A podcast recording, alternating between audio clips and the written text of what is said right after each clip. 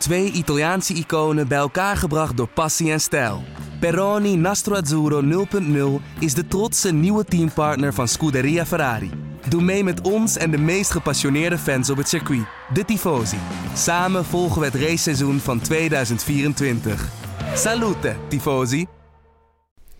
Ik uh, zat uh, de, de, race met een paar vrienden te kijken. En één vriend kwam ongeveer naar rondje 30 kwam hier binnen. En toen moest ik hem vertellen dat Gasly 1 lag, Sainz 2. En dat Hamilton achteraan lag op eigen kracht. Eigenlijk, zonder crash of uh, iets. Wel met een straf. Met een straf.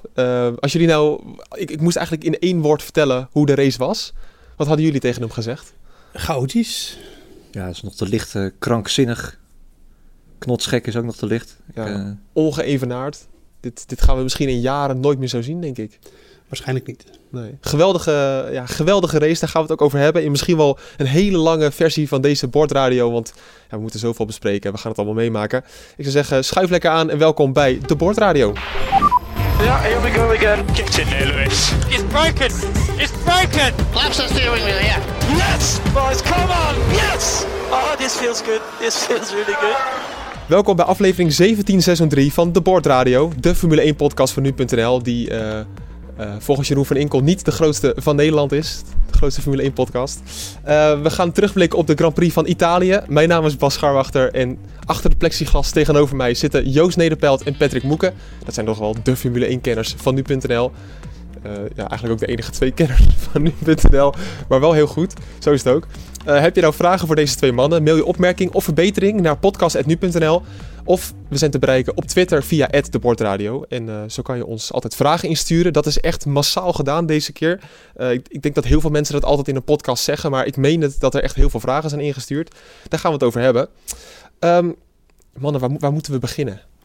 Nou, laten we eens beginnen bij dat we Pierre Gasly deze overwinning echt wel gunden. En ik denk, dat ja. spreek ik niet voor mezelf, maar dat denk ik iedereen in de Formule 1, uh, die, die gunde hem wel dit succes. En dan is het mooi dat het in één op zo'n dag alle kaarten op een bizarre wijze zo vallen en dat het dan uh, dat het zo uitkomt. En, en hij heeft er zelf ook heel veel voor gedaan. Hij had geluk met een pitstop voor de safety car en uh, of de rode vlag.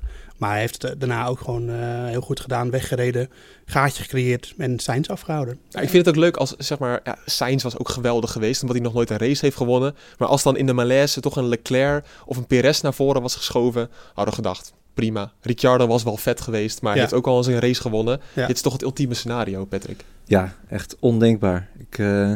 Ik hou er alles van om een klein weddenschapje te zetten bij de, bij de bookmakers en dan juist de verrassingjes. Maar als, ik dit, uh, als je dit had voorspeld, dan was ik uh, na gisteren financieel onafhankelijk uh, geweest. Ja, dat viel, ja, dat, dat, is altijd leuk om te zeggen. Het viel oprecht nog wel mee bij Unibet. Hoeveel, nou, ja, ja, ik dacht volgens mij iets van 38 euro op 1 euro. Nee joh, veel meer. Dacht nee, ik? Nee, nee, nee, want nee, zeker niet. Oké, okay, misschien dat niet ging richting de 1000. Oh, echt waar? Dat uh, Gasly zou ja, ja, voor de start dan. Voor de start, ja. ja voor de start. Ja, okay, ja, dat zou misschien nog wel kunnen, ja. Nee joh, dit is ondenkbaar. De eerste keer dat er weer een, uh, een coureur van buiten de grote drie heeft gewonnen sinds uh, Australië 2013 met uh, Kimi Räikkönen, Kimi Räikkönen in, de, in de Lotus. En, uh, en nog langer geleden dat, dat er, dat er geen, geen coureur van de grote drie op het podium stond. Ja, Hongarije 2012 was dat. Ja, ja. Nee, ik, ik, dit was een race uh, die gaat te boeken. Die, die, die, die, als we het over, over Monza gaan hebben. Nu, ik zei vrijdag hadden we nog over Vettel in 2008 die in zijn Toro Rosso won. Ja, over, uh, over 100 jaar we, of dan zijn we waarschijnlijk dood. Of nou, uh, ja, ik weet niet ik hoe wel. het gaat in de meeste. Uh, ja. Ja. Ja, ja. Maar ja, dan hebben de, onze kinderen, die waarschijnlijk ook Formule 1 fans zijn, zijn, die hebben het er nog steeds over. Ja, ja het is weergaloos. En wat misschien ook wel een beetje hoop geeft, is het kan nog steeds in de Formule 1. Zo'n soort scenario. Ik heb heel lang gedacht, dit kan nooit. Nee, maar het kan wel. Alleen het komt één keer in het decennium voor dat je zo'n grote chaos hebt. Hm. Uh, kijk, we hebben vorig jaar ook hele leuke races gehad. En, en dit jaar de openingsrace in, uh, in uh, Oostenrijk. Maar dit is wel van een andere categorie. En vorig jaar hadden we Duitsland, maar toen begon Verstappen. Niet een heel onverwachte winnaar. Brazilië was heel leuk. Die won Verstappen toevallig ook. Hm. Um, maar dat het echt gewoon zo'n knotsgekke winnaar is. Ja, dat, het is niet voor niks dat... dat gisteren ging het dan over Olivier Panis, 1996. De Grand Prix van Monaco. Was je toen al geboren eigenlijk? Of, ik, ik was uh, één jaar. Eén jaar, ja. 95. Ja, ik kan me die race gewoon nog uh, herinneren. Het was, ik keek toen nog niet zo heel lang Formule 1, maar wel drie jaar of zo. En uh, toen was het ook echt gewoon, alle, alle toppers vielen uit. Schumacher viel uit, Damon Hill viel uit. je moet gewoon, dat in ene iedereen wat overkomt, moet je hebben. En dan, dan krijg je dit. Maar het, het, had niet alleen daarmee te maken. Het had natuurlijk gewoon puur met, met geluk te maken. Dat, dat Gasly die pitstop had gemaakt. dat het goed uitkwam. Ik geloof dat hij in eerste instantie nog boos was over dat hij, hoe die pitstop was uitgevallen. Maar uh, ja, en toch ook omdat uh, Ferrari gewoon niet meedoet om de overwinning. Hè? De, tot de afgelopen jaren had je altijd nog. Uh, dan had Ferrari dit nu opgepakt. Uh, maar die zijn nu weggevallen. Dus de, de kans is ook groter dat er zo'n verrassing zich afspeelt. Ja. ja. Je zegt net al Oliver Panis, uh, 1996. Waar Ja. was dat eigenlijk? eh, Monaco. Of in Monaco natuurlijk, Ja, Monaco, inderdaad. Ja, Ehm, de Fransen werden helemaal gek. En ook de Franse commentator die ging echt uit zijn plaat. Het was een beetje de, de Franse yo-hey, yo-ho. Elle est presque là Elle est presque là, cette victoire Accélère Accélère Oui, il va aller la chercher Ne lâche pas La victoire de Pierre Gasly Il l'a fait Victoire de Pierre Gasly Victoire d'AlphaTauri La victoire française Ja, hij ging helemaal uit zijn plaat. Ik zei het eigenlijk net al. eh, nou, dus de Franse Olaf Mol die zo tekeer gaat. Eigenlijk best wel opvallend, omdat Frankrijk zo'n enorm motorsportland is. ja, maar er is na eh, Alain Prost eh, niet meer echt een, een coureur geweest die langdurig aan de top meedraaide. En daarvoor hebben ze er uit mijn hoofd ook niet heel veel gehad. Dus eh, ja, het is, niet, het is niet zoals Italië en Engeland echt de bakermatten. Engeland is dat nog meer dan Italië van de autosport. Maar, eh, maar ja, het is toch wel een beetje opvallend dat zo'n groot land zo weinig eh, succes heeft, eigenlijk heeft in de Formule 1. eh. Ja, het is als je gaat teren op eh, Grosjean, dan krijg Ik je wou dat. het net zeggen, het, klinkt, het klinkt gek, maar Grosjean was natuurlijk eh, het, eh, het, het talent. Een paar jaar geleden heeft hij ook een paar, van zes of zeven keer op het podium gestaan. Vooral in de Lotus toen, een goed jaar. Ja, maar ja, kwam niet jaren. verder dan eh, dan een tweede plaats. En toen hebben ze er lang op moeten wachten, ja, want Grosjean werd steeds slechter. Nou, Gasly, daar weten we allemaal van, het, eh, het was een talent. Maar ja, kwam, kwam er niet uit, zeker niet bij Red Bull, kans gemist. Heeft daarvoor is hij ook nog, eh, heeft hij ook nog Super Formule gedaan, hè, na zijn eh, Formule 2 eh, jaar in, in Japan. Dat is ook een soort klasse van, ja, als Red Bull het al in je zag zitten, dan had hij misschien wel eerder die stap naar Toro Rosso gemaakt. Nee, dit is zijn ultieme revanche natuurlijk. Ja, ja ongelooflijk. In wat we zeggen, uitgerekend prachtig dat het eh, Pierre Gasly is geworden. Eh, om toch een beetje structuur in deze podcast te blijven. Laten we gewoon eens beginnen bij het begin. Eh, en dan misschien nog even terug naar de kwalificatie. Dat Verstappen maar tot P5 kwam. Ja. ja, die Red Bull die werkte gewoon niet goed meer. Nee. En hoe dat nou komt precies, ja... Ik denk dat ze gewoon moeite hebben om, om de zoveel mogelijk downforce van de auto af te halen. Dus, eh, en dat Mercedes daar beter in slaagt. En die hebben dan waarschijnlijk ook nog eens een betere motor.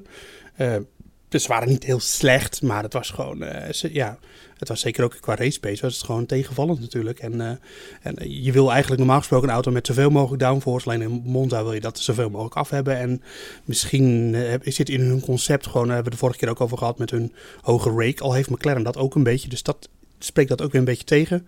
Ja, het is heel complex, maar ik denk dat ze, dat ze gewoon niet de auto daar op de baan kunnen brengen zoals ze zouden willen. En zoals de coureurs zeker willen. Want Verstappen heeft drie verschillende setups geprobeerd. En dat leverde dezelfde rondetijd op. Dus dat bracht ook geen soelaas.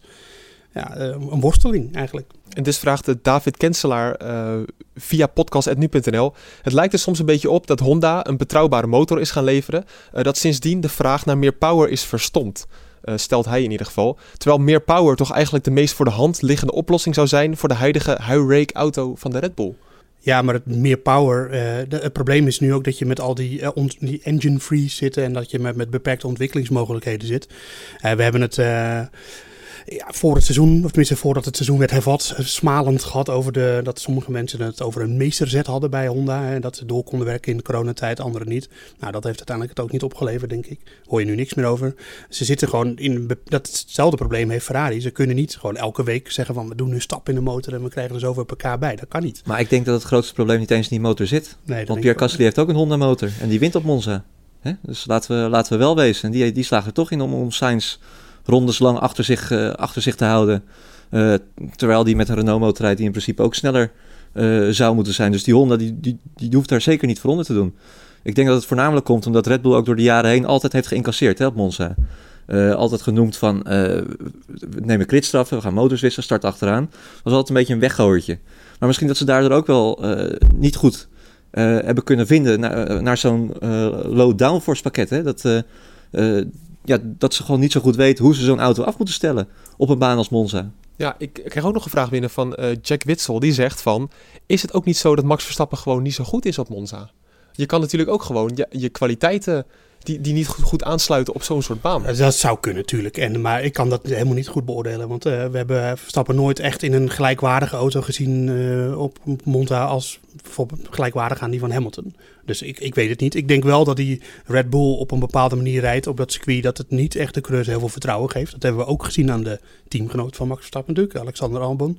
Eh, en ik, denk, ja, ik denk dat je zeker met zo'n instabiele auto met weinig downforce, dat hij dan wel echt, eh, dat je dan een beetje met vertrouwen die paar bochten die er dan zijn, dat je die in moet kunnen. En als dan eh, steeds de auto een beetje uitbreekt, dat je dat moet opvangen, dat dat dan waarschijnlijk niet helpt. Dat is mijn eigen inschatting. Maar ehm, ja, het is gewoon geen gelukkige combinatie Red Bull en Monza. En eh, daar zijn redenen voor. En ik denk dat Verstappen daar meer slachtoffer is dan dat hij daar zelf, eh, niet om hem uit de wind te houden, maar dat hij daar zelf eh, een, een, een negatieve bijdrage aan levert. Ja, wat me wel een beetje verbaasde is dat toch Perez uiteindelijk als P4 kwalificeerde. Ehm, terwijl eigenlijk, we hebben Racing Point al twee weekenden niet meer gezien. Nee. Nou ja, ik, ik, ik had ook wel verwacht dat ze het moeilijk zouden gaan krijgen op Monza. Omdat ze gewoon ook niet echt zo'n keihard eh, low downforce pakket hebben. Maar ja, uiteindelijk eh, ging die auto toch best wel hard. Misschien had hij ook wel net een goede toe. Eh, dat, zou, natuurlijk- dat heeft ook een, eh, een grote invloed. Alleen, eh, ja, het is wel zo dat in de race werd hij echt gewoon... Bij de pitstop, dat, eh, dat kwam helemaal verkeerd uit. Hij stond stil, dat ging al niet lekker. En toen kwam er een hele rij auto's voorbij. En daar verloor hij zoveel plaatsen mee. Anders was hij, denk ik, op het podium eh, beland en niet Stroll. Maar ja, dat geluk en ongeluk speelden een grote rol in deze race. We gaan het bijna over de race hebben. Nog één dingetje, dat is de sneer van Verstappen naar Albon. Hebben jullie die meegekregen? Nee, Nee, Albon kwalificeerde zich als P8 of P9 in de kwalificatie. En eh, P7. Ik ben me er niet op vast in ieder geval. ja. Ehm, en maar toen, twee tiende achter Verstappen. ja, ver dus in ieder Ja. geval. En toen zei hij over de radio dat ja, dit was mijn beste kwalificatie die ik oh, heb ja, meegemaakt. dat heb ik wel gehoord. ja. En toen zei Verstappen van, nou, als je daar blij mee bent, dan eh, gaat het ook niet goed met je. Nee, ja, maar dat bedoelde hij denk ik niet zo. Dat, eh, dat, eh, Ik Dat- heb die quote niet letterlijk gehoord, dus ik weet niet hoe hij dat eh, bedoelde. Maar ja, Ja. nee, dat kwam er zo, zo snel uit. Het is, eh, ja, maar Verstappen, die, kijk, die, hij had zelf ook nog wel enigszins mazzel. Hè? Want het had eh, een paar honderdste gescheeld. Of hij had gewoon op de zevende plek eh, eh, waar Ricciardo nu stond gestaan. Ja, Nee, dat scheelde helemaal niks. Nee, ja, dat, eh, Verstappen is alleen maar, dat hebben we ook wel vaker gezegd, hij is in zijn eentje bezig met dat, eh, met dat team. ja, ja, hij stond uiteindelijk negende. En dan zegt Verstappen, nou, dan sta je negende. Nou, dan wens ik je heel veel plezier ermee. Ehm, als je daar al blij mee bent, dan weet ik het ook niet meer. Ja, ja, dat is al een, eh, dat is al, klinkt als een sneer. Maar eh, ja goed, bedoel, we kunnen er ook niet eh, omheen draaien. Dat gaat, gaat natuurlijk gewoon niet goed met Albon en Red Bull. En eh, die situatie met, met Gasly uiteindelijk, eh, dat was ook gewoon zijn schuld. Hij reed, hij reed tegen het voorwiel van Gasly aan. En dat is natuurlijk een in die schattingsfoutje wat makkelijk gemaakt is. Maar het overkomt hem wel weer. Eh, en hij had nog dat incident met Perez natuurlijk. Ehm, ja, eh, het, het, het- dan zo'n race en dan gaat het bij Verstappen fout eh, en valt uit. Maar dan staat hij ook niet op. Ook zo. nee. Dus, maar hij had dus bij, na dat incident ook veel schade aan zijn vloer. zeker, maar hij komt ook wel weer in die situatie. En hij Zeker, komt, het is zijn eigen schuld. Ja. Het is zijn eigen schuld. en Dus, het is, het is altijd wat met Albon. Ja. Het is nooit, er is altijd wel iets of dat hij een gridstraf heeft of dat hij een waardeloze kwalificatie heeft en dat hij weer een inhaalrace moet rijden. Is Nou, nooit een keer eh vlekkeloos ook wel zo'n fase gehad. Hè, dat hij ook gewoon veel ongeluk had en veel, eh, of, of veel pech. Maar ook veel situaties waarin hij Ja, zelf... maar Verstappen eh, had wel altijd de snelheid. Precies, en, en dan ook eh, eh, situaties waarin je het wel liet zien. En Albon heeft eigenlijk alleen maar situaties waarin hij het niet laat zien. Dat Ja. is een beetje het probleem. En wel mooi dat we nu een beetje de periode voorbij zijn dat eh Albon gaf eerst nog een beetje het voordeel van de twijfel. Nee, laat hem nog even wennen aan die auto. Het is nu wel klaar, hè? Nou is ja, het gewoon leveren. Als je, kijk, het, eh, het geluk van Albon was de hele tijd dat er niemand achter stond te dringen die het, die het stoeltje eventueel op kon vullen. Maar hoe Gasly nu, want het is niet de eerste keer dat we Gasly de hemel in prijzen. Dat hebben we al vaker gedaan eh, dit jaar. Nee, die, die, eh, die, die klopt nu ontzettend op de, op de deur om daar weer eh, terug binnen te komen. Hij is veranderd, als je hem ook ziet lopen, hij is eh, een grote jongen geworden opeens. En, eh, en nu zelfs een Grand Prix winnaar. Ja, ik, eh, ik had het wel geweten als ik Hel- Helmut Marko was. Maar ja, het, het vervelende is wel, en we, we hebben vorig jaar zaten we natuurlijk in dezelfde situatie. Dat was wel op een ander moment in het seizoen. eh, dat we Gasly ook afgeschreven hebben. En diezelfde Gasly waar we nu weer lovend over zijn. Dus het is ook gewoon, Het is moeilijk. het is moeilijk om nu te zeggen van ja, Albon uh, Maar ik vond toen ook al met Albon, want het- het was toen geen uitgemaakte keuze dat Albon het zou worden. Weet je nog? Toen Nee, die het- stond niet keihard op de deur te boren. Nee, die had een paar, eh, een paar Ja. aardige races op Hockenheim. Maar verder, eh, ja, hij schoot er bij mij niet uit als een uitschieter, een mooie, indrukwekkende eh, coureur of zo. Ja, maar op een gegeven moment werd Gasly toch ook gewoon een ronde ingehaald door Verstappen. Ja, nee, het kon niet door meer. omstandigheden. Maar Albon nu ook. Klopt. Ja, het kon niet meer. En, maar eigenlijk, het, de situatie is niet heel anders dan met Gasly een jaar Nou geleden. ja, in zekere zin dat Gasly het, vind ik, nu beter doet dan Albon toen. En Gasly weet al hoe het eraan toe gaat bij Red Bull. Hij kent die druk nu. Dus wat dat betreft is het ook minder risico om hem daar te brengen. Eh, ja, ik denk, ik, het lijkt mij nu een, een uitgemaakte keuze. Als de- zeker als dit nog eventjes zo, Maar- zo doorgaat. Maar dit moet Gasly zelf toch nooit doen? Dat Nee, zou moet het hij stomste zijn wat je, wat je nou, ja, weet ik niet. Uiteindelijk eh, bij AlphaTauri gaat hij nooit eh, standaard eh, races winnen. Maar dat, eh, en bij Red Bull wel, dat is toch een prima. groot team. Lekker P8, ben je blij mee? Lage Ja, maar druk dat- situatie. Hè, Je hebt, eh, Ja. Je hebt eh, wel de, de highs, maar niet zoveel lows. Precies. En, da- en dat, is, dat is zo. Maar aan de andere kant, Als je dertiende wordt in de Alfa Tauri, ja, heb, je niet, heb je niet goed gedaan. Maar het is nou ook niet van, wat ben je een sukkel? nee, maar het is wel zo. eh, Je bent er, daar ben je toch geen coureur voor geworden? Je wilt toch strijden om de titel en eh, met, het, met de beste jongens meedoen? Tuurlijk, maar het middenveld ligt zo dicht op elkaar... dat je daar ook je strijd uit kan, uit kan halen. Het grootste risico is dat je dus naast Verstappen terechtkomt en dat er dan weer blijkt dat je die niet aan kan. En die kans is heel groot.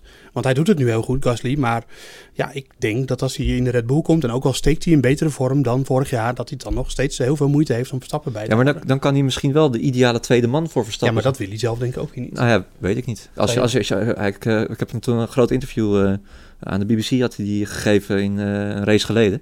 Op Spa. En hij zei juist, ja, ik wil zo snel mogelijk terug in die Red Bull. Dat is mijn droom, daar kom ik voor. En liever vandaag dan morgen. Ja. Maar, maar er zit een grote afbraakrisico. Joost, zit er- Joost is niet overtuigd. Ja, Nee, nee, ik snap, ik snap wel dat hij dat wil. Want het is, het is zijn enige eh, mogelijkheid. ja. mogelijkheid naar een topteam. Dus Ja. dat is waar. Maar er zit wel een groot afbraakrisico aan. Zeker. Want je, je komt wel, je komt niet naast de minst. Maar zou, jij het dan niet doen in zijn geval? Nou, ik bedoel, dat, ik, ik snap wel dat je daarover zou kunnen twijfelen. En, eh, want ja, je ziet nu wat er met Albon gebeurt. Misschien komt het is best helemaal niet ondenkbaar dat Gasly volgend jaar weer in diezelfde situatie terechtkomt. Nee. Weet je wel? En nu, Toro Rosso, of Alfa Tauri staat helemaal achter eh, Gasly. Hè. Die, die doet eigenlijk niet meer de zaken. Ehm, hij zit nu eigenlijk daar in de positie die Verstappen heeft bij Red Bull. En dan daar teamgenoot van zijn, dat is lastig. En dan, en dan moet je gewoon afvragen van wat is nu het goede... Hij is 24, dus hij moet op een gegeven moment ook die stap gaan maken. Maar wat is het goede pad voor je carrière? Ja. Eh, maar ja, ik denk dat er ook niet... Dus hij kan het ook zo goed doen bij Alfa Tauri... dat ze dan op een gegeven moment dat er een ander team komt voor hem. Maar we hebben toch heel vaak gezegd over het verschil tussen Albon en Gasly. Gasly hebben we bijna niet zien inhalen Ja, in de Red Bull. klopt. Echt totaal niet. Het nam te weinig initiatief. Nee, ik, Alle Ja. deuren stonden bij Maar hem dat doet hij nu juist wel. En dat heeft ook gewoon met, ja, een beetje cliché, met, met vertrouwen Is te dat zo? maken. Ja, ook gewoon met snelheid? Ja, maar snelheid komt uit vertrouwen. Ja. En, en, en dan het vertrouwen om net dan die auto ertussen te zetten. Of net die, die uitremactie wel te plaatsen. Eh, dat je gewoon het, te alle tijden weet wat die auto gaat doen. Ja, kijk, net En- zoals bij die herstart, dat hij er meteen voorbij duikt. Ja, dat is, dat is weergaloos natuurlijk. Ja, Maar het is wel zo dat Albon, die heeft het heel moeilijk. Maar als hij een inhoudrace moet plaatsen, Silverstone kan ik me herinneren, dan gaat hij er wel voor. En dan haalt hij gewoon de helft van het veld in. Maar hij kan niet leveren op de momenten dat het moet. Het is geen aan- en uit. Bij Verstappen weet ze gewoon, die zetten ze in de auto, die levert. Hè, eh, race als gisteren, Verstappen heeft motorproblemen. Eigenlijk moet Albon, die moet dan gewoon opstaan. Die moet, die moet, die, die moet hiervan profiteren als, eh, als er al een coureur is die dat moet doen. Ja. Maar ja, wat Jo zegt, dan is hij toch weer betrokken bij een paar incidenten. Eh, het is allemaal ongelukkig, want eh, voor, voor hetzelfde geld had hij geen schade opgelopen aan zijn vloer. En had hij misschien nog wat mensen in kunnen halen. Maar ja, hij komt wel weer in die situatie terecht. Ja, maar als je je kwalificeert als vijfde of als vierde in plaats van negen, Precies. dan kom je ook uit die problemen. Ja, ja, ja, Ja. ja. Maar het grote probleem is natuurlijk dat hij op redelijk, met redelijk weinig ervaring al in die Red Bull is gezet. En dat hebben ze met Gasly ook gedaan. En dat is misschien wel gewoon te vroeg. En, eh, en Gasly heeft nu nog... Eigenlijk is het misschien helemaal niet zo slecht voor de uiteindelijke carrière van Gasly... dat hij nu gewoon weer anderhalf jaar bij, uh, bij rijdt. En gewoon hij kan zijn fouten maken, hij kan leren, de druk is lager. En ik denk dat Albon uiteindelijk gewoon te vroeg voor de leeuw is gegooid. Net als dat ze met Gasly hebben gedaan. En dat is een fout die Helmut Marco maar blijft maken. Maar ik heb ook wel het idee dat hij die gewoon wil maken. Om, omdat hij dan, als er dan iemand boven kan drijven, komt drijven die daarmee om kan gaan, dan weet hij, het is echt een goeie. Zoals bij Verstappen gebeurde, zoals bij Vettel gebeurde. Uh, en, en alle jongens die daar uh, niet mee om kunnen gaan, ja, die, die zijn gewoon dan... Uh, Ricciardo had, was eigenlijk ook al een voorbeeld van een jongen die, die gewoon die stap aan kon. Maar ja, Gasly lukt het niet. Albon lukt het nu ook niet. Ja, dan kan je het weer met Gasly gaan proberen. Die heeft nu meer ervaring. Maar dat vind ik logischer dan maar door blijven ploeteren met Albon. Ja, want Joost Kremers stelt ook de vraag van... is het ook niet gewoon zo dat een Albon of een Gasly... in een lastige auto gewoon minder kan presteren? Dat de Alfa Tauri gewoon stabieler Ja, dat is een ding wat zeker is. is. Ja, want die Red Bull is... Uh, zoals ze dat noemen, knife edge. Dat is gewoon een tricky auto mee te rijden. En uh, het is niet voor niks dat hij regelmatig achterstevoren staat. Maar de Alfa Tauri is toch ook een soort kopie van de Red Bull? Ja, het is toch wel het is een minder extreme auto dan, uh, minder extreem afgesteld. Minder aerodynamisch, minder de grenzen opgezocht dan, uh, dan de Red Bull. Dus dat is een auto waarmee ze veel makkelijker overweg kunnen. En veel eerder het vertrouwen krijgen en daardoor veel meer hun potentie kunnen laten zien. Maar toch begrijp ik dat niet helemaal, want er wordt zoveel tijd ingestoken door Red Bull om een goede auto te maken. En Alfa Tauri heeft een veel minder budget. Ja. Die zouden dan toch ook een minder stabiele auto moeten hebben? Nou, niet stabiel. Kijk, het gaat erom. Het, het stabiel betekent niet altijd dat je dan uh, dat, dat dat sneller is. Het gaat erom Nee, dat je, ik. dat, dat die auto zo op het randje is dat als het lukt, dat hij dan heel snel is. Maar hij is wel heel tricky om mee te rijden. Plus, plus dat die Red Bull natuurlijk helemaal gemaakt is voor Verstappen. Alles wat Verstappen wil, eh, zit op die auto. En het hoeft natuurlijk niet zo te zijn dat dat, dat in het voordeel van Albon werkt. Want iedere coureur heeft zijn eigen rijstijl waar hij van houdt. Van achterkant iets eh, losser of, of, of vast zit. Dat heeft er natuurlijk ook mee te maken. Ja, ik, het, ik, dat, is, dat is zwaar. Maar ik denk dat het in zee, dat is ook maar tot op zekere hoogte zo. Ik bedoel, het is niet dat, dat Verstappen zo'n atypische coureur is dat een ander daar per se niet mee om kan gaan. Ehm, maar het speelt gerust wel een rol, denk ik. Maar het is denk ik meer zo dat, dat die, dat die Alfa Tauri gewoon een, een, een, een wat voorzichtigere auto is. En die Red Bull wat extremer. Ja. En dan Nu krijg je eh, dan- gaan we toch weer even terug naar de race. Eh, toen er Gasly in ieder geval nog zeker niet aan kop lag. En dat eh, zou er ook zeker niet zo uit gaan zien. Het viel me op dat Verstappen, eh, die, die reed op een gegeven moment op P6 of P7. achter Bottas. ja. Ja, achter Bottas. Hij kwam er niet voorbij. Nee, maar Maakt Bottas, niet uit, DRS en Bottas geen DRS. Hij, nee, hij kwam zelfs niet eh, dichterbij toen eh, Bottas op een gegeven moment geen DRS Ja, dat had. ik, en, ja. eh, eh, en Verstappen wel. Toen zat hij al een beetje te klagen over dat het een, eh, een joke was en dat het eh, niet normaal was.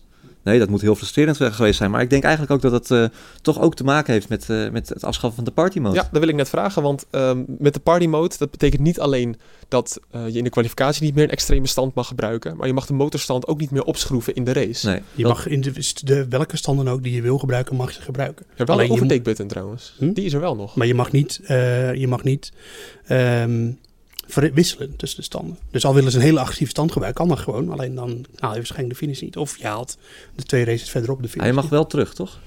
Ja, maar ik weet niet. Ik moet nog even. eh, Eigenlijk had ik nog even graag willen uitzoeken hoe dat zit. Olaf Mol zei dat inderdaad. Van dat je terug mocht als er een probleem is. Maar Ja, je moet aantonen dat je, iets, dat je terug kan schroeven. ja, Of eh, terug moet schroeven, zo is het Ja. eigenlijk. Ja ik denk dat dat. Ik, ik geloof niet in dat, dat dat een manier is om de party mode in de kwalificatie toch te gebruiken. En dan in de race niet. Dat, dat zou zo ontzettend dom zijn van de FIA dat ze dat, die eh, loophole erin hadden gelaten. Dat kan ik me niet voorstellen. Maar Ja. ik moet het nog even uit. Want ik las ook, als ze dat niet zouden instellen, dan zou je bijvoorbeeld op de party mode je motor kunnen afstellen. En hem dan gewoon terugschroeven in de kwalificatie. En dan tijdens de race, als je toch nog even één keer die push wil krijgen. Nee, maar je kan, het, het verhaal zou dan zijn dat je hem in de race juist, als er een probleem is, terug kan schroeven. Ja, dat bedoel ik. Maar als ze die regel niet in zouden stellen, dan zou je hem maximaal in kunnen stellen in de race. En dan blijf je hem gewoon maar terugschroeven. Nou, volgens Dus mij... daarom moet je hem op één Ja, stand houden. maar goed, ik, ik weet niet precies hoe dat zit. Het, het, het idee is gewoon dat je met dezelfde stand de, race, eh, de kwalificatie in de race rijdt. En volgens mij is dat nu gewoon in, eh, in effect en eh, werkt dat gewoon. Maar het, het verschil, wij hadden eigenlijk verwacht, nou dat gaan we dus vooral in de kwalificatie zien. Hè? Dat, eh, daar worden misschien de verschillen gemaakt. Nou, daar veranderde niet zoveel, in ieder geval vooraan niet. Want Mercedes was gewoon nog steeds het dominante team. In het middenveld schoof wel na, eh, wat meer naar elkaar toe. Ja. Maar vooral tijdens de race, want je zag heel vaak eh, treintjes achter elkaar rijden. Waarbij heel veel coureurs gewoon moeite hadden eh, om elkaar in te halen. De zogenoemde DRS-trein. De DRS, dat toch? Ja. Maar die was er ook al in het party mode tijdwerk hoor. Maar ja, maar ik had toch niet het idee niet zo ex- extreem. nee, ik denk dat, dat met de party modes, eigenlijk vind ik het een vreselijke term, maar oké. Met de party modes had, modes had Bottas gewoon het podium nog gehaald en misschien wel gewonnen. Want dan had hij zich gewoon er tussendoor kunnen, kunnen er tussenuit kunnen rijden. Weet je, Ja. gewoon een knopje indrukken en eh, we gaan even naar eh, mode, eh, weet ik wat hoe het is, bij Mercedes, mode 12. En we, we knallen er even langs. En dat kon nu niet. Ja, want Gabor zegt ook van... het viel mij op dat de Mercedes, rijdend midden in het veld... wel een stuk slechter presteert dan in de vrije lucht. Is Ja. dat te verklaren? Dat is al jaren zo. Hoe kan dat? Nou, die auto is gewoon ontworpen om vooraan te rijden. Eh, dus hij heeft een minimale koeling eh, die er is als hij in vrije lucht rijdt. En als hij dan in de, in de... Het is niet voor niks dat Bottas ook zijn auto dat het aan het koelen was toen hij achter eh, Ricciardo Ja. reed in, die, in de, het eerste gedeelte. Dat is die, ja, zo is die auto gewoon afgesteld. Gewoon de, kwalificatie eh, winnen, zeg maar. En, eh, en dan vooraan beginnen en dan, eh, en dan wegrijden. Dat is het hele idee achter de Mercedes. En als hij achter een andere auto terecht, terechtkomt, dan is het niet dat hij dan gelijk slecht is. Maar dan is hij wel gelijk minder effectief. En dus heb ik een stelling voor jullie. De party mode moet terugkeren in de Formule 1. Nee, maar Ik wil, even, ik wil even terug naar zaterdagmiddag. En eh, toen was de kwalificatie geweest. Oh, oh, oh, Ja, maar eigenlijk boeit me die kwalificatie mij persoonlijk heel weinig. Nee, maar laat me, even, laat me even mijn punt maken. Ja? Ehm, eh, die, eh, de kwalificatie was geweest. Mercedes had nog steeds 1 en 2. Ja. Er was niemand die had gezegd, nou, Mercedes gaat nu, gaat nu meteen de vierde, vijfde starten. Nee, iedereen was er wel van overtuigd dat Mercedes nog steeds de snelste auto's hebben. Maar dan is de conclusie gelijk bij iedereen, ah, dat zie je wel, het hele verbod haalt niks uit. Maar Monza is zo'n atypisch circuit. En het draait vooral om toe, geen toe, dat soort dingen. En om dan op basis daarvan al te concluderen dat het niks uithaalt, laten we gewoon drie races kijken, hè, drie verschillende banen, en dan kunnen we zien of het wat uithaalt. Maar dat zeg ik dan ook in de wetenschap dat als je zelfs op Monza niet kan inhalen in de race, dan weet ik het ook niet meer. ja, maar Je is- neemt daar zoveel snelheid mee door parabolica. Je hebt een zo lang rechtstuk. Als je daar al niet kan inhalen. Ja, maar het is niet zo dat het. eh, dat, ja, het, het maakt het, maar dat is ook een, een keerzijde. Dat is ook eh, voorspeld dat het inhalen moeilijker zou worden. Ja. Dat vind ik helemaal kut. Ik zeg het gewoon zo. Ja, nee, dat, dat begrijp ik. Maar eh, Ja. ja. we moeten maar even zien hoe dat, hoe dat uitkomt. Ja. Ja. Precies, het, is, het gaat wel heel ver, omdat we hebben nu eh, wekenlang zitten te roepen, oh, die party mode, hè, toch wel leuk wat er nu gaat. En nu zegt ja. hij opeens van, ja, we moeten maar eh, Op basis van één race. weg, weg met de party, of Ja. terug, terugkomen met de party mode. Nee, Nee, tuurlijk. het- kijk, ik vind, ik vind ook altijd, ook in de jaren 90 en begin 2000 de Formule 1, toen was inhalen voor het DRS-tijdperk, toen moest je echt van goede huizen komen om een inhaalactie te plaatsen. Ik vind ook onzin dat, dat een leuke race alleen maar bestaat uit, eh, uit inhaalacties, zoals, eh, zoals je heel vaak eh, nu op, eh, op Twitter hoort eh, van heel veel zeikerts en eh, mensen die de Formule 1 toch al sowieso niet eh, leuk vinden. Nee, dat, eh, ja, een inhaalactie moet iets moois zijn. Doe er maar moeite voor, eh, weet je wel. Dat was eigenlijk vorige week toch ook op Spa. Dat je had heel veel inhaalacties. Cijfertechnisch was dat prima in orde. Maar ja, in zo'n DRS-treintje kan iedereen het. Nee, precies. Ja, net als met Oostenrijk met drie DRS-zones. Ja. ja. Nee joh, lekker, eh, doe, er maar moeite voor. Ik, ik, vind het, ik vind het denk ik nog gewoon- gewoon een goede ontwikkeling. Ja, maar dit is ook een beetje wachten op 2022 met die nieuwe auto's natuurlijk. Dat is eh, in zoveel opzichten wordt dat een, het, het, het jaar van waar iedereen naar smacht oh, eigenlijk. En, en, maar dat is ook natuurlijk nog weer een groot vraagteken hoe dat gaat uitpakken. Maar Ja. ja, dat, eh, qua banden, qua aero, het wordt allemaal helemaal anders. En dat eh, gaat een hoop eh, van afhangen. Mijn persoonlijke man of the match, eigenlijk, ja, hoe zeg je dat, driver of the day, was eh, Charles Leclerc. Eh, hij heeft eigenlijk ervoor gezorgd dat dit is gebeurd. Wat een schuiver, hè? Ongelooflijk. Ja, dat was wel een hele Nou, klapje. wat mij dus opviel, eh, is dat je ziet eigenlijk een crash nooit live. Alles Nee. heel weinig. Ja. Dat was echt goed geschakeld door de, door de Oh, regie. ja. maar ook, ze schakelde ook op het moment dat hij al de impact kreeg. Ja. Ik- Het is heel, misschien heel gek om te zeggen hoor, zeker na afgelopen weekend dat we gehad hebben. Maar ik schrok wel echt extreem van die Ik ook. crash. En ik was echt blij dat we een beeld zagen dat hij gewoon Ja. bewoog. Ik za- was hier aan het werk op de, op de redactie en eh, de, de, de meesten zaten de, de Tour de France zaten ze te doen. Oh ja. En eh, ja, ik was gewoon aan het, aan het gillen. Echt Ja, hard. snap ik. Ik kwam wel mensen afreden. Wat, wat gebeurt er? Wat gebeurt er? Ja, Leclerc gecrashed. Ja. Dus eh, Ja. nee, was, was vreselijk. Ik op de zijn- adem ook wel even in. Mag ik zeggen dat op zijn onboard het wel weer meeviel? Ja, goed, doe het zelf maar eens. Ja, heb gelukkig. gewoon weken pijn. Ja, Ja, maar in die onboardbeelden zie je gewoon de snelheid niet altijd. Nee, en dan, klopt. eh, en dan het, het, het live beeld en ook in die herhaling van de zijkant, dan zie je, dan zie je ineens de snelheid. En dan zie je dat het wel... eh, hij zei gewoon dat- rennend uitstappen, hè? Niks aan de hand. Gewoon, ja, eh, ja, maar hij zei wel dat hij de komende dagen nog wel pijn gaat hebben. Ja, joh. Ja. Oh man, ik schrok me, Maar het ik was, schrok me eh, echt dood. Eh, rijdersfout. Gewoon. Ja, rijdersfout en misschien ook wel een klein beetje een fout van, eh, van zijn engineer. Want ehm, zijn engineer zei dat hij vol op zijn gas moest gaan. Dus Niet per se in die bocht, maar hij moest even gaan pushen.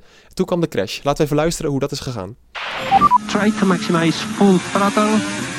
It will be K2 on. Are you okay? Yeah, was a big crash. Ah, I'm sorry, but I honestly I struggled so much with the balance. Fuck. Sorry. Copy.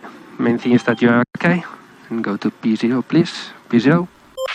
Ja, dat was eh, Charles Leclerc. Die eh, ja, hij baalt ook echt enorm van zijn crash. Hij moest ook echt even uitpuffen. Dat snap ik ook allemaal wel.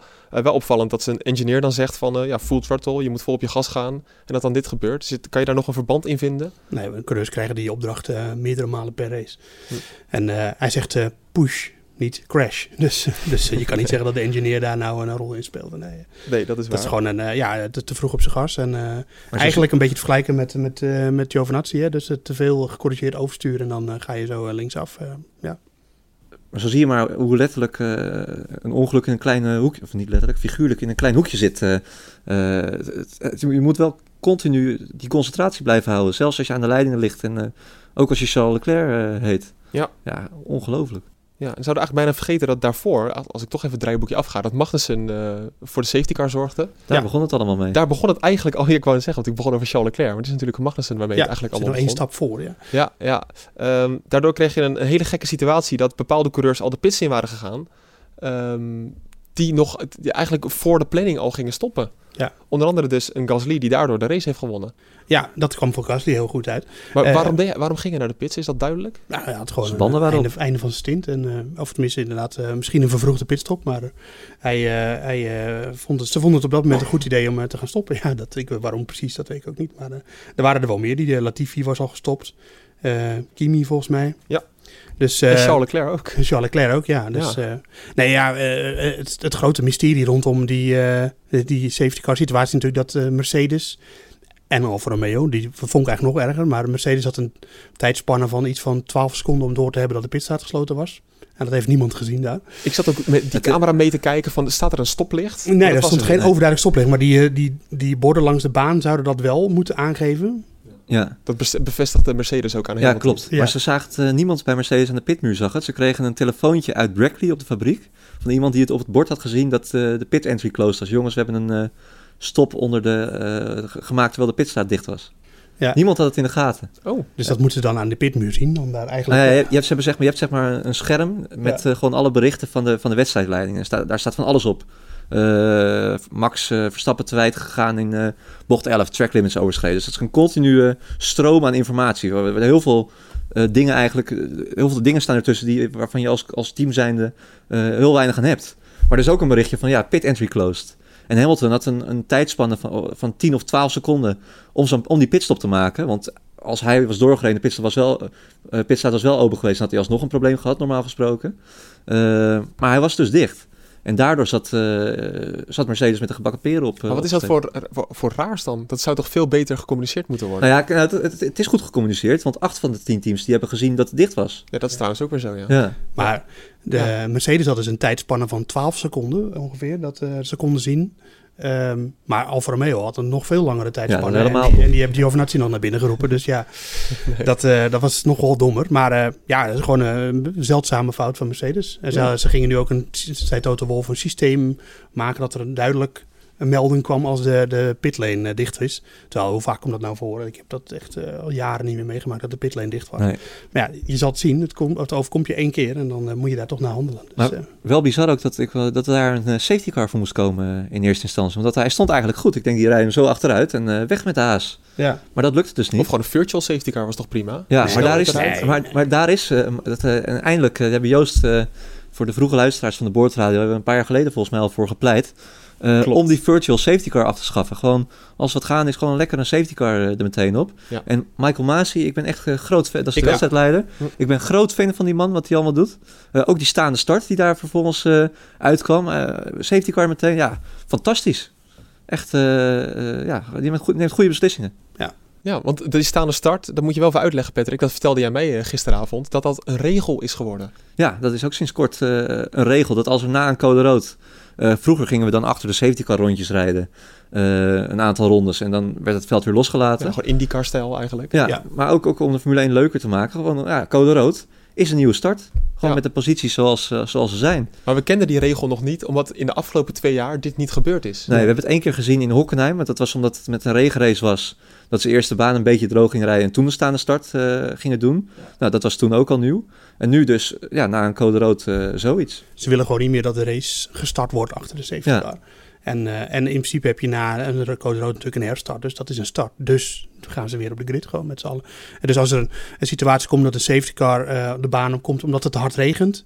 eh, en, dan, en de safety car gaat weer naar binnen. Dan krijg je ook een staande start. Oké. Ja, leuk extra element. Ja, wat ik wel opvallend vond, eh, dat moet je toch even uitleggen. Stroll, die was nog niet naar de pits geweest, Ja. maar die mag dan zijn banden wisselen. Ja, dat is wel een beetje een rood. rare regel. Dus Is dat dat. een onzinregel. Het kwam nu goed uit, want daardoor konden de jongens die vooraan eh, met toeval vooraan gekomen waren, konden daar eh, een beetje van profiteren. Ja, maar ook, ook bij Mercedes, want eh, bij Bottas hadden ze de hele engine cover er gewoon afgehaald. En zaten Ja. ze aan die problemen te, te, Ja. te, te werken. Ja.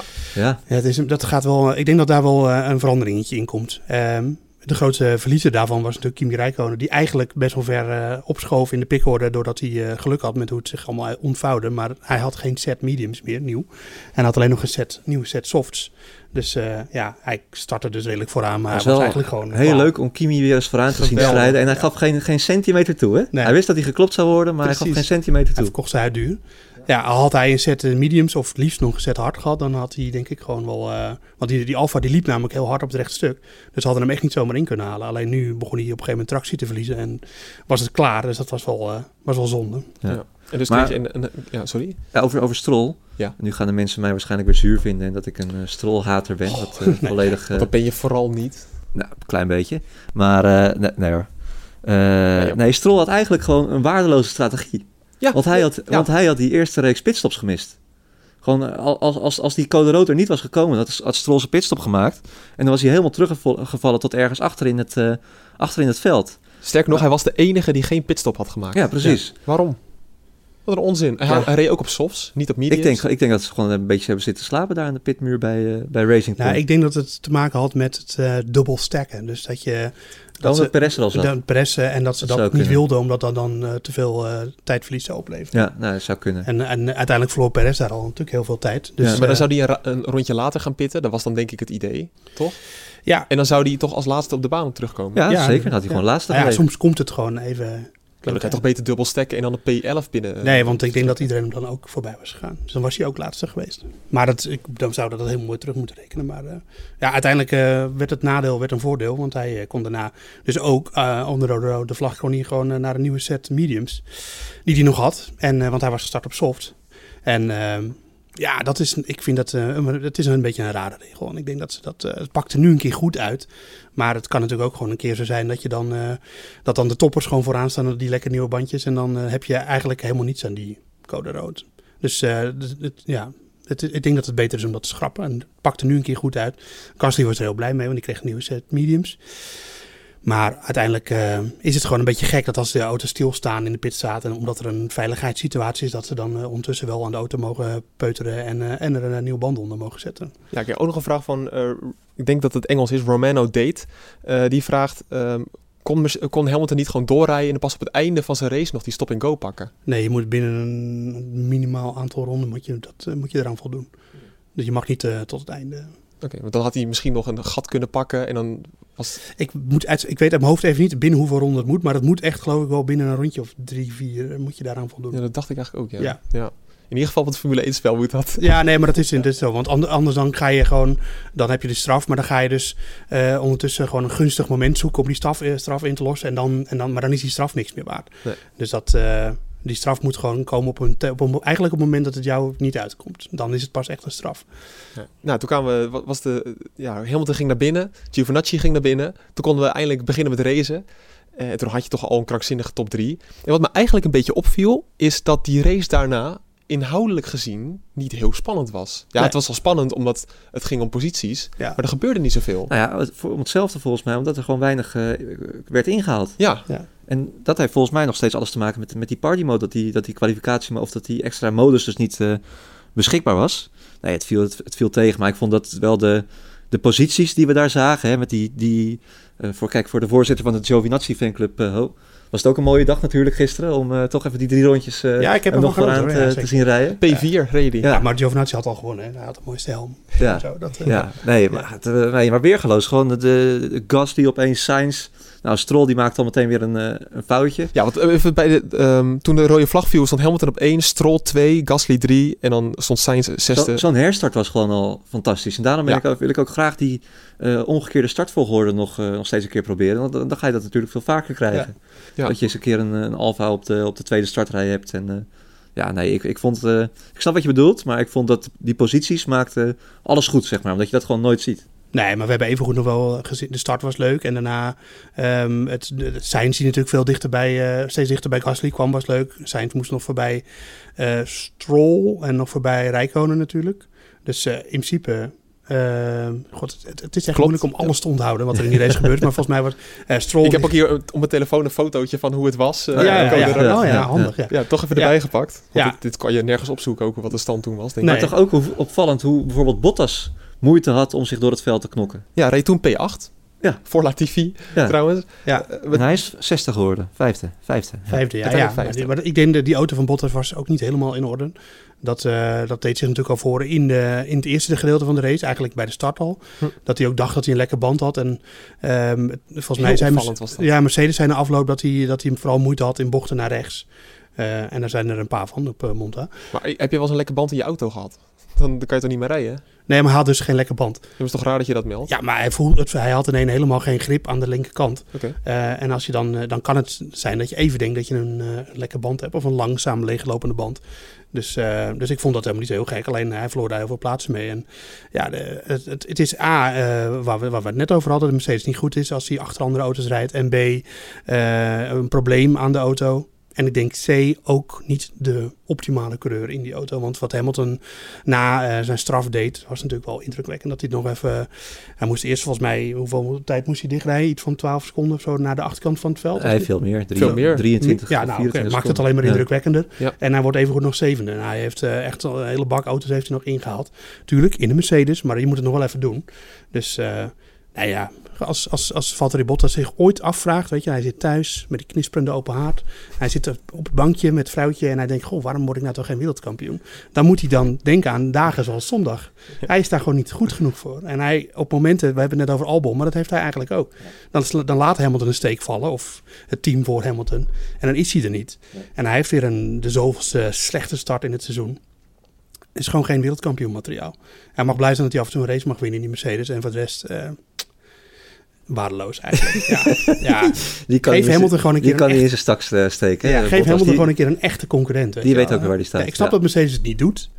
Maar geef hem een keer een echte concurrent. Hamilton had een concurrent. En het had na dit weekend nog een veel grotere concurrent kunnen zijn. Dat was Max Verstappen. Ja, Die heeft een gouden kans laten missen. Ja. Eh, welke, eh, hoe zeg je dat? Ja. eh, laten Ja, lopen. ja. Laten lopen, sorry. Eh, om op 25 punten dichterbij te komen eigenlijk. Ja, nou, Hamilton werd nog een zevende Ja. of zesde. Dit Eh, was natuurlijk de mogelijkheid voor, eh, eh, voor in ieder geval Helmut Marco en, en Horner. En daar hadden we het er vrijdag over. Ja. Om hun gelijk te halen. hè, Dat, dat er nog van alles mogelijk is. En ze zeiden, eh, ze zeiden ook van ja, eh, Hamilton gaat nog pech krijgen. En eh, nou, eh, het was er.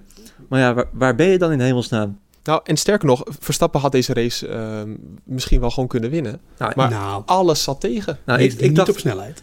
ik dacht bij die herstart meteen nog van nou, ik, ik- Verstappen is, je moet hem niet uitsluiten. Als hij opeens wel de snelheid heeft en eh, Ja, maar de McLaren's, je de waren sowieso het hele weekend al sneller. Hij En- kwam Ricciardo nog ineens voorbij. Nee. Nou ja, goed. Hij, P11 startte die na de rode vlag. hij, eh, die auto, die, ja, we hebben het allemaal uitgebreid besproken, maar die, dit, dit- hij, niet op snelheid had hij kunnen winnen in ieder geval. Nee. En, eh, en, eh, en hij heeft ook niet genoeg eh, kwaliteit om dan dat gat helemaal dicht te dichten. De McLaren's waren sneller, de Racing Points waren sneller. Tenminste, er zat er eentje nog voor natuurlijk na die herstart. Toch? Want hij zat nog wel voor Perez. Ehm Moet ik dit even ja, nee, bij- Perez had P14. Oh, nou, Nee, Stroll zat er ieder geval nog achter. voor. Daar ging Ja. hij sowieso niet voorbij komen. Bottas zat wel voor hem. Eh, was- ja, dat, eh, daar, daar heeft hij de eerste de gedeelte van de race ook de hele tijd achter gezeten. Kwam hij ook niet langs. Maar McLaren was toch gewoon de tweede auto dit weekend? Ja. Ook. Ja, ik denk wel... eh, Qua overall performance. Ja, en ze hebben gewoon betere coureurs dan Racing Point. Want ik denk dat die Racing Point qua pace niet onderdeed voor de McLaren, maar qua kwaliteit achter het stuur. En dan zie je toch dat dat toch nog een grote rol speelt.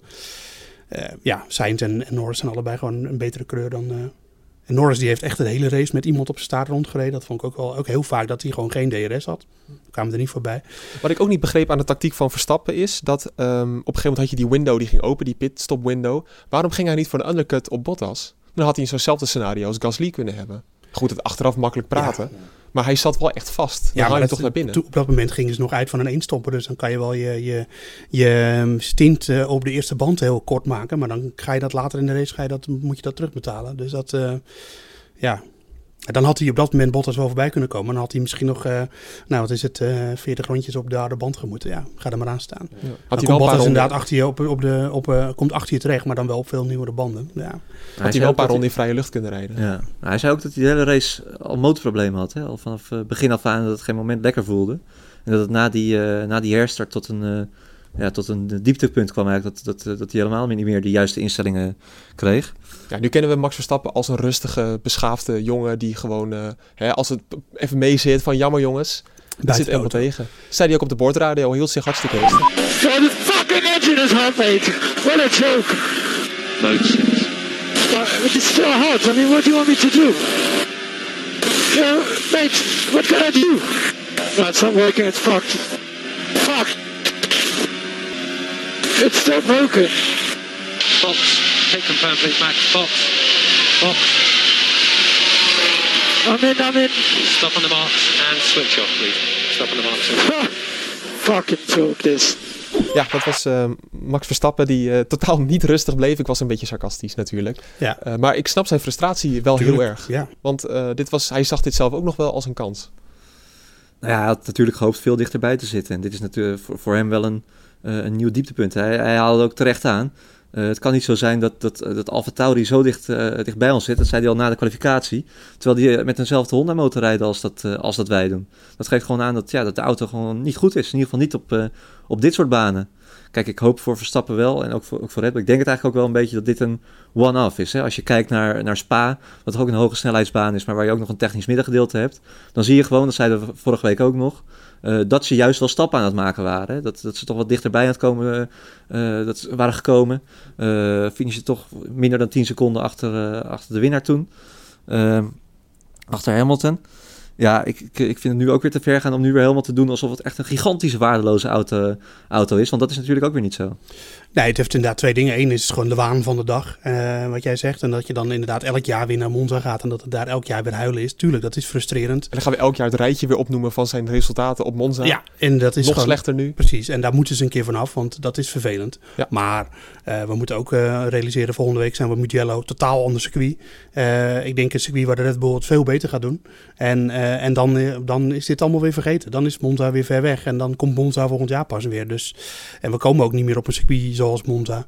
Dus, uh, dus ja, het is vervelend en het, heel frustrerend. Ik snap het dat, je, dat hij daar heel boos over is. En, en, en, en ook wel, het is natuurlijk ook wel vreemd dat een topteam als Red Bull gewoon structureel een auto op een bepaald circuit wat elk jaar op de kalender staat niet goed voor elkaar kan krijgen. Dat begrijp ik. Maar, ja. terwijl Mercedes maar ik denk echt, wel. omdat ze de jaren hiervoor dachten ze al met die gridstraffen en zo, dan maakt het allemaal niet zoveel uit. Nee. Dan gingen ze er al heen naar Monza met het idee van ja, we gaan hier, we gaan hier als, we, als we in de punten rijden, dan, dan hebben we het goed gedaan, bij wijze van spreken. Ja, maar dat is ook een beetje triest natuurlijk voor een top. Ja, heel, ja, heel, heel triest. Maar toen, toen kwam dat eigenlijk nog door de Honda motor en door de Renault motor die er, die er niet zoveel van konden. Maar nu blijkt dat, en misschien was dat in die jaren toen ook al zo, dat die auto gewoon niet top was. Nee, maar ik, we moeten de Honda motor ook niet helemaal vrijpleiten. Want uh, kijk, Gasly heeft hem wel gewonnen. Maar dat is ja, niet op pure snelheid. En, en uiteindelijk uh, kwam uh, Sainz natuurlijk ook wel weer redelijk makkelijk richting, richting ja, zijn ook wel, Dat waren een paar tiendes. En ik denk dat, dat, ja. dat ja. de McLaren qua chassis ook wel beter is dan de Alfa Tauri. Dat is hij zeker. Maar dan nog is het... Is, ik denk niet dat... dat uh, ik denk dat Renault en, en, en Mercedes echt wel voor Honda zitten. Ja, dat denk ik ook. En, en dus dat speelt ook een rol. en, en dan heb je ook nog eens een auto die niet goed werkt. Ja, double trouble. Uh, dus. Maar goed, Monza gewoon weer uh, verlaten. En uh, Mugello, heel ander circuit. En dan kijken hoe de pet er volgende week weer bij staat. Ik denk dat het dan weer... dan is het weer vergeten. En dan zijn we weer in een nieuwe fase van het kampioenschap. En een hele leuke fase. Met ja, allemaal hele leuke races. Absoluut. eerst nog even over Gasly, voordat we over de volgende race gaan praten. Nou, daar gaan we het helemaal niet over hebben. Daar kan je vrijdag voor inschakelen bij de boordradio. Pierre Gasly was de koning van de tweede sector. Ik dacht dat Frans Toost dat zei.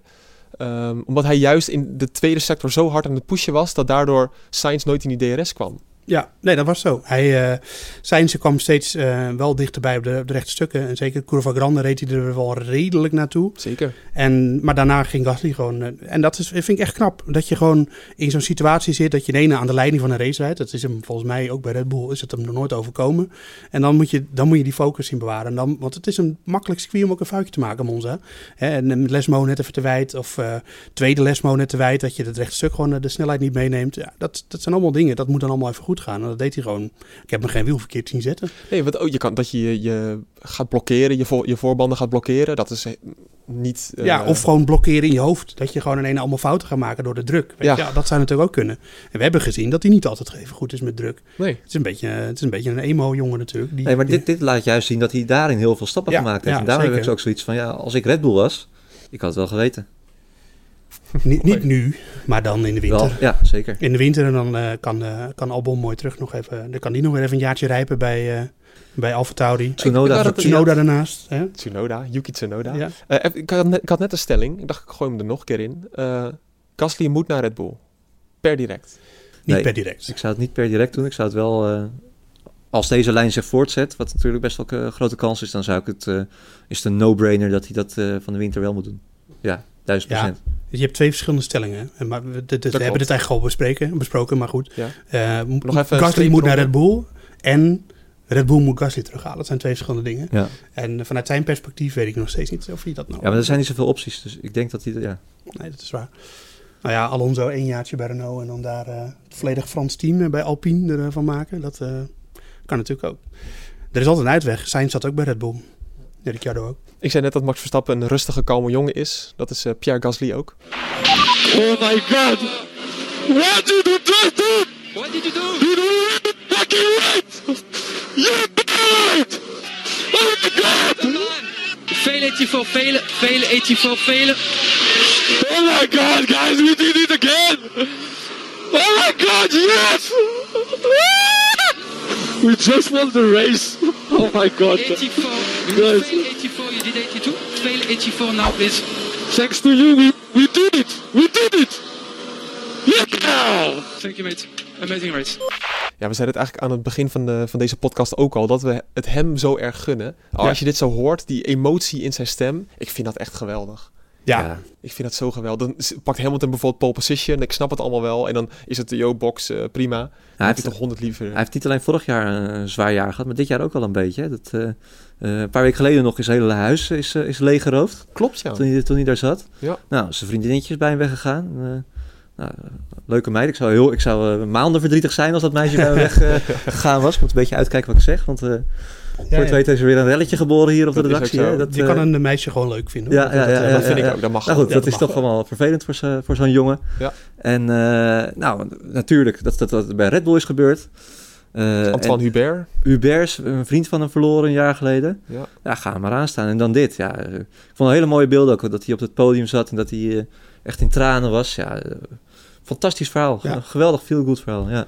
Zeker. Ik, eh, ik, ik, ik kreeg geen brok in mijn keel, maar ik vond het wel heel mooi dat, die, dat Grosjean en, eh, en eh, Leclerc hem ook eigenlijk meteen kwamen. Die, die, die hadden dat door, weet je. Dat je, dit is bijzonder.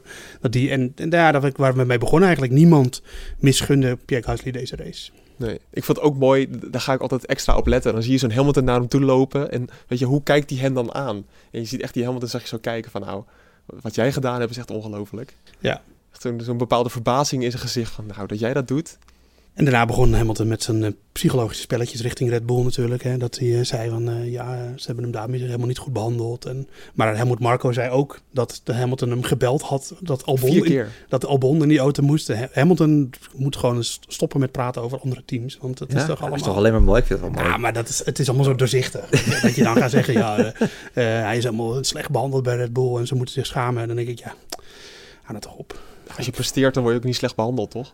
Nee, nee, nee. daarom. Dus eh Gasly eh, zal zelf ook wel toegeven dat hij het niet goed heeft gedaan bij Red Bull. Dat, eh, en daar zijn waarschijnlijk allerlei oorzaken voor. En, eh, maar hij was daar zelf ook een grote oorzaak van. Dus eh, ja, het is allemaal weer het verleden. Hij moet vooruitkijken en, en hij heeft zichzelf volledig op de kaart gezet als een, eh, als een hele goede coureur. En ik denk dat dat, dat raakt, raakt hij voorlopig niet kwijt. Hè, dat, dat, gaat, dat draagt hij de hele tijd met zich mee en dat moet hij nu eh te gelden maken. Ik vind Carlos Sainz heel erg sympathiek. Eh, is dat tendens in Nederland ook al een beetje bijgedraaid? Want hij was een beetje de grote concurrent van Max Verstappen. Ze vonden elkaar ook allebei niet zo aardig. Ik had het idee dat dat in Nederland ook een beetje zo was. Ja, ik denk het wel, toch? toch? Hoe is ja, de tendens rondom de hem? tijd. Ja, ik denk dat eh, de Nederlandse Formule 1-fan die eh, heeft geen hekel aan Carlos Sainz, omdat hij het eh, Max Verstappen een jaartje lang eh, lastig heeft gemaakt. Dat, eh, dat, eh, dat punt zijn wel voorbij. Het lijkt me sowieso beter dat Nederlandse Formule 1-fans geen hekel krijgen aan andere coureurs. Want het slaat helemaal nergens op. eh. Nee, Het zijn waar. allemaal topsporters met, met hun eigenaardigheden. Maar eh, Behalve. Van Lance Stroll. Nee, Lance Stroll, die heeft zichzelf ook niet in die positie gebracht. Ja. Sterker wel, want hij is gewoon eh, hij is kijk, goed dat- genoeg om Formule 1 ik te rijden. Dat moet ik Stroll nageven. Hij is wel, dat heb ik ook eerder gezegd, daar is hij, goed, hij is goed om uit de problemen te, te, te Ja. blijven. Gewoon als er wat gebeurt, dan is hij er wel vaak. Hè? Ja, nou, komen we toch altijd weer terug op Ja. Lance Stroll. Nee, Nee, maar het is eh, toch ook leuk om een... Of, en dit heeft niets met science te maken, maar je had toch Senna Prost bijvoorbeeld. Weet je, daar kon je een hekel hebben aan, nou, in mijn geval dan Prost. Eh, ook een beetje gevoel- Prost, mooie uitspraak. Prost, ja. Ja. ja. Jij zei net Alain Prost. Alleen Prost. Ja, dat is mo mooi nog mooier. Ja, die is nog mooier. Ja, maar ik, ik, de, eh, ja, ik zit niet zo in elkaar. Ik, heb ook, eh, ik ben ook voor een bepaalde voetbalclub. En, maar ik heb ook niet daarom een hekel aan andere voetbalclubs of zo. Nee, dat maar ik snap wel, het is, het is wel leuk als we natuurlijk een heroïsch tijdperk gaan krijgen. Net zoals dat je Schumacher Hakkinen had ook. Hm. Prost Senna, dat je Ja, misschien wel straks gewoon met- Verstappen Leclerc hebt. Vind jij dan, wat vind je dan leuker? Zoals gisteren die jongens die met elkaar op het podium staan... die dat dan in vreugde beleven met z'n allen? Of coureurs die elkaar niet aankijken en, eh, precies- en koude Nou, eerlijk gezegd dat laatste. Ja, oh nee. Gewoon dat, dat haat en. Ja, maar het kan ook allebei. Hè? Dan uiteindelijk, Prost en Senna, die hadden elkaar ook, ook nodig. Ja, uiteindelijk En- misten ze elkaar. Of tenminste, dat, dat Prost eh, stopte toen zei Senna dat hij hem miste. Maar dat is toch het mooiste aan sport. Gewoon, Is het mooi? Ja, maar gezonde rivaliteit. Maar Ja. ik, ik vond het op een gegeven Nee, maar moment... dat, dat moet ook. Kijk, Ja. Verstappen en Leclerc hadden dat ook wel een beetje vorig jaar. Dat, dat die met, of twee jaar geleden dat ze met elkaar overhoop eh, eh, lagen. Eh, maar uiteindelijk kwam dat ook allemaal weer goed, weet je. Ja. Maar dat is toch uiteindelijk wat je wel wil zien. Gewoon twee coureurs die, die elkaar naar de haren steken. Die, eh, eh, ja, ik, ik zou het ook geweldig vinden als Verstappen met Ocon eh, nog een keertje... eh, nou, niet, ge- ze hoeft, hoeft mij niet, te gaan- niet te gaan knokken. Nee. Maar het is wel leuk om Nou, te weten ja. dat, dat, ze, dat, ze, dat ze elkaar niet, niet mogen. Maar eh, stel Ja. je voor een Ajax Feyenoord zonder doodschop in de eerste vijf minuten. Oh nee, ik heb daar helemaal niks mee. Ja, Joost is... ja. Ja. Ja, ik, Nee, ik, ik- ik, ik, ik hou van de competitie toe, en ik maar ik hou vind het wel van mooi de als het gebeurt. Competitie en strijd, dat vind ik allemaal prima. Maar ik vind het gewoon... Ja, weet je, op een gegeven moment moet het ook gewoon een beetje normaal blijven. Ja, het moet En- wel normaal. Als het Ja. gewoon normaal is, ja, ik, eh, Ja. gewoon go- goede. Ik snap het soms wel, ja. een emotie. En ik snap ook heel goed dat Verstappen toen in, omdat heeft het bij te met Ocon, dat hij ook Ocon eh, te lijf ging. Ik kan me die emotie helemaal voorstellen, tuurlijk.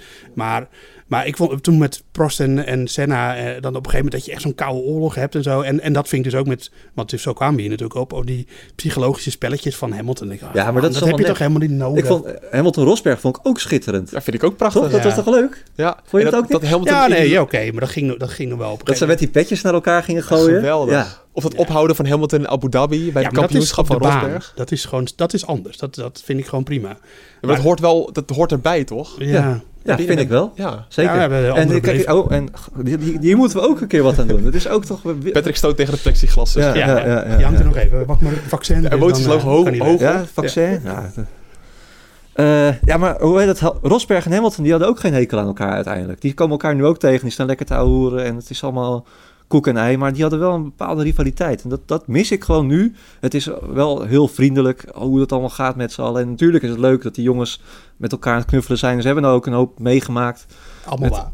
Is waar, maar ik merk, waar ik, eh, de keerzijde van dit hele geheel is dat je dus eh, op een gegeven moment. eh, misschien is dat gewoon een soort van logisch gevolg. Maar dat, dat Verstappen toen vaak aanvaring had met, met vooral met Vettel. En dat, dat Nederlanders dan echt Vettel helemaal kapot maken. Om, om, omdat hij dan de, de, de rivaal van. Ja, klopt. En dat hij uitgefloten wordt. En weet ik, dan denk je van ja, dat is toch Nee, triest. dat, dat, En, en, en, daar moet je, eh, maar daar moet je altijd boven staan, vind ik. ja, je staat erboven, maar dat is wel een effect van dat hele gebeuren. En vorig jaar, dat, dat Hamilton was in de vrije training, dat Hamilton crasht en de Nederlanders dan staan te juichen. Nou, ik schaam me dan echt kapot. En dat is wel een effect Ja, wat, je daarmee, ja, ja. wat je daarmee in hand werkt. Dus ik, daarom heb ik liever dat het allemaal een beetje vriendelijk gaat. En dat, dat we ook laten zien dat die coureurs, weet je wel, eh, ik heb Verstappen ook in de paddock met, met Vettel gewoon gezellig eh, rond zien lopen. En dat terwijl ondertussen heel Nederland dacht dat het aardsvijanden van elkaar waren. En dat is Ja. gewoon onzin, Ja. weet je wel. Dat, en Nee, dat moet je ook wel... eh, Houd op de baan en, en, ga, en ga vooral niet na afloop, eh, of, of als Nederlanders dan denken van ah, Vettel is een klootzak, want hij is tegen Verstappen.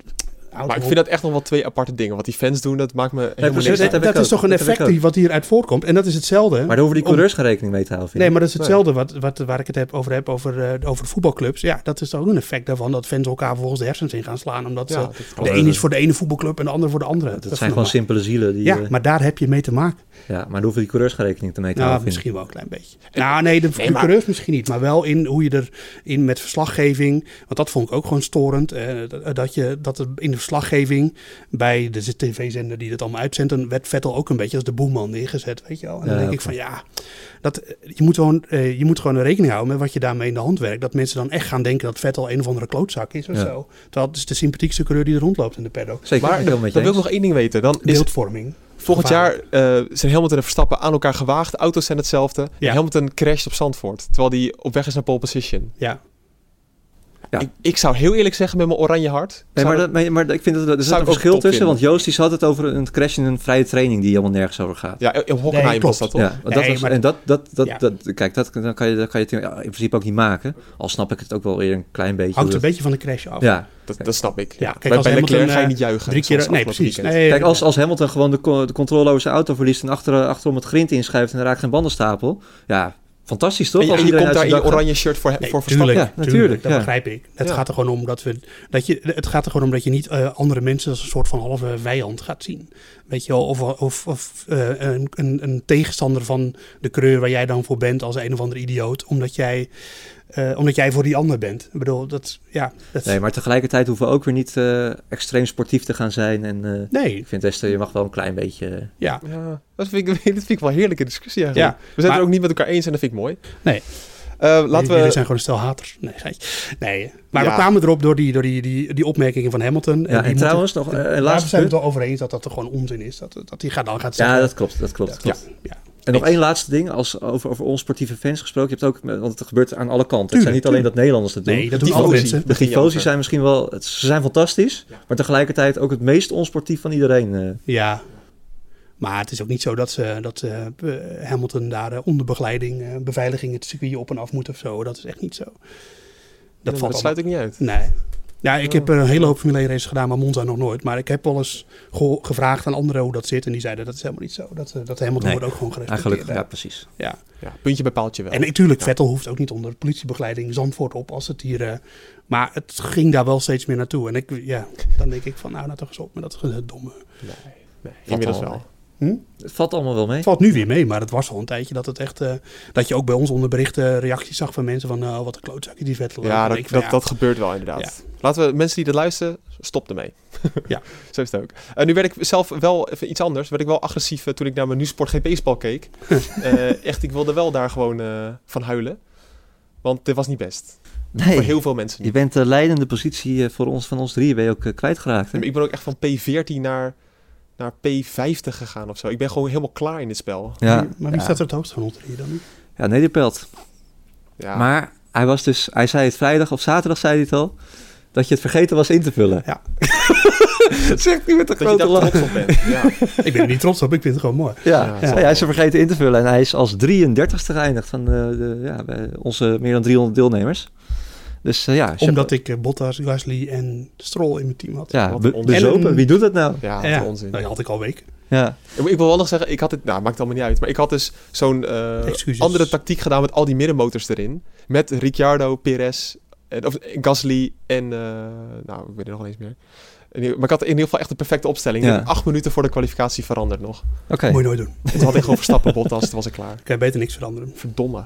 Nou, het beste team wat je kon hebben, dat was eh, Gasly, Hamilton, Stroll en Sainz. Althans, je had Hamilton nog in kunnen Ja, ruilen voor een, eh, Had ik echt. voor een Renault-coureur. Maar ja, dat, dat doet natuurlijk echt helemaal eh, Die had jij. niemand. Ik had het echt. Ik, ik heb nog een heel, in de groepschat staat heel verslag nog dat Ja, ik aan het ja, ja, twijfelen ja. was. We geloven, Ja, ja. we geloven het pas. Verdomme. Maar GP Bob had dit wel. 108 punten. Gefeliciteerd. Dus eh, chapeau. Ehm, ja, eh, Joost, eh, zoals gezegd, eh 33ste, eh, heel knap. Ik 174ste en jij 242ste, Bas. Dus eh, ja, valt allemaal aardig tegen. Joost is nu de best geclasseerde van ons. Plaats 46, keurig. Smokeface. Scharwachter op 57. En ik ben de top 100 weer uitgekukkeld. Ik sta nu 106ste. Oh, je doet nog wel mee. Ja, ja, ja. ja, ja. Oké. ja, dat je het zelf ook moet bijhouden. dus Jij bent een beetje de strol van de boordradio aan het Ja, ja, ja, ja. Juist niet, want juist op de slechte momenten komt hij niet bovendrijven. Nee, dat is waar. Jij, kan- jij kan niet goed om de chaos heen rijden. Ja, Joost is een beetje onze strol eigenlijk. Ja, ja, ja. Ja. In meerdere opzichten ook. Ja. Ja.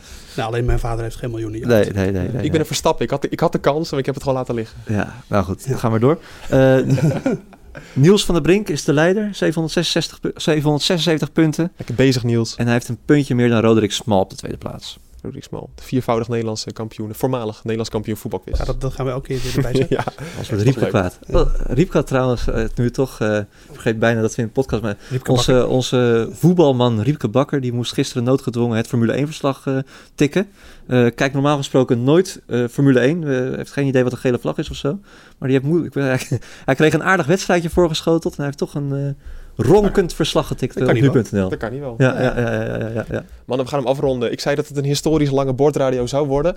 Eh, dat is het ook geworden. We zijn ruim over het uur heen. Ik denk dat mensen het ons al vergeven. Ja, ik denk het ook. Ik hoop dat jullie heel veel plezier hebben gehad. Laat ook even weten via podcast.nu.nl of je het nou eens bent met het gesprek waar we het net over hadden. Met, moet er nou rivaliteit op de baan komen of moet, eh, moet iedereen gewoon vriendjes van elkaar zijn? Nee, maar dat is niet helemaal hoe ik het bedoelde.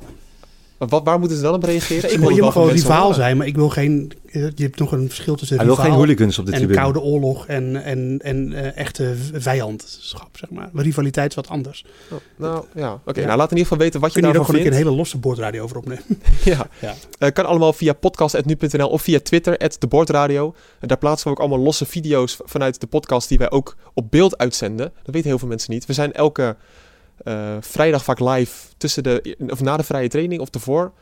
En elke maandag altijd om 11 uur. Na de vrije training of ervoor. Ja, daar hebben de mensen toch helemaal niks aan. Ergens op vrijdag.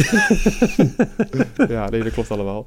Ehm, in ieder geval, ja, we gaan vrijdag eh, vooruitblikken op de Grand Prix van Toscane. Mugello. Op Mugello. We Ja. moeten ons heel goed gaan inlezen, want niemand weet wat voor baan dit... Ja, we weten wat voor baan het is. Mensen die MotoGP kijken, die weten gewoon wat voor baan het is. Ja, gaan we Eh, daar het wordt heel moeilijk inhalen, kan ik alvast vertellen. Spoiler, dikke spoiler. Nou, eh, dankjewel weer in ieder geval. Dit was eh, de bordradio voor deze keer. Eh, ja, vrijdagochtend zijn we er dus weer. En dat kan dus ook via YouTube. Schuif vooral lekker aan. Heb je nog vragen of opmerkingen? Mail dan naar podcast.nu.nl. En laat ook vooral een recensie achter op jouw favoriete podcast app. En dan zijn wij er dus vrijdag weer. Bedankt voor het kijken en tot die vrijdag.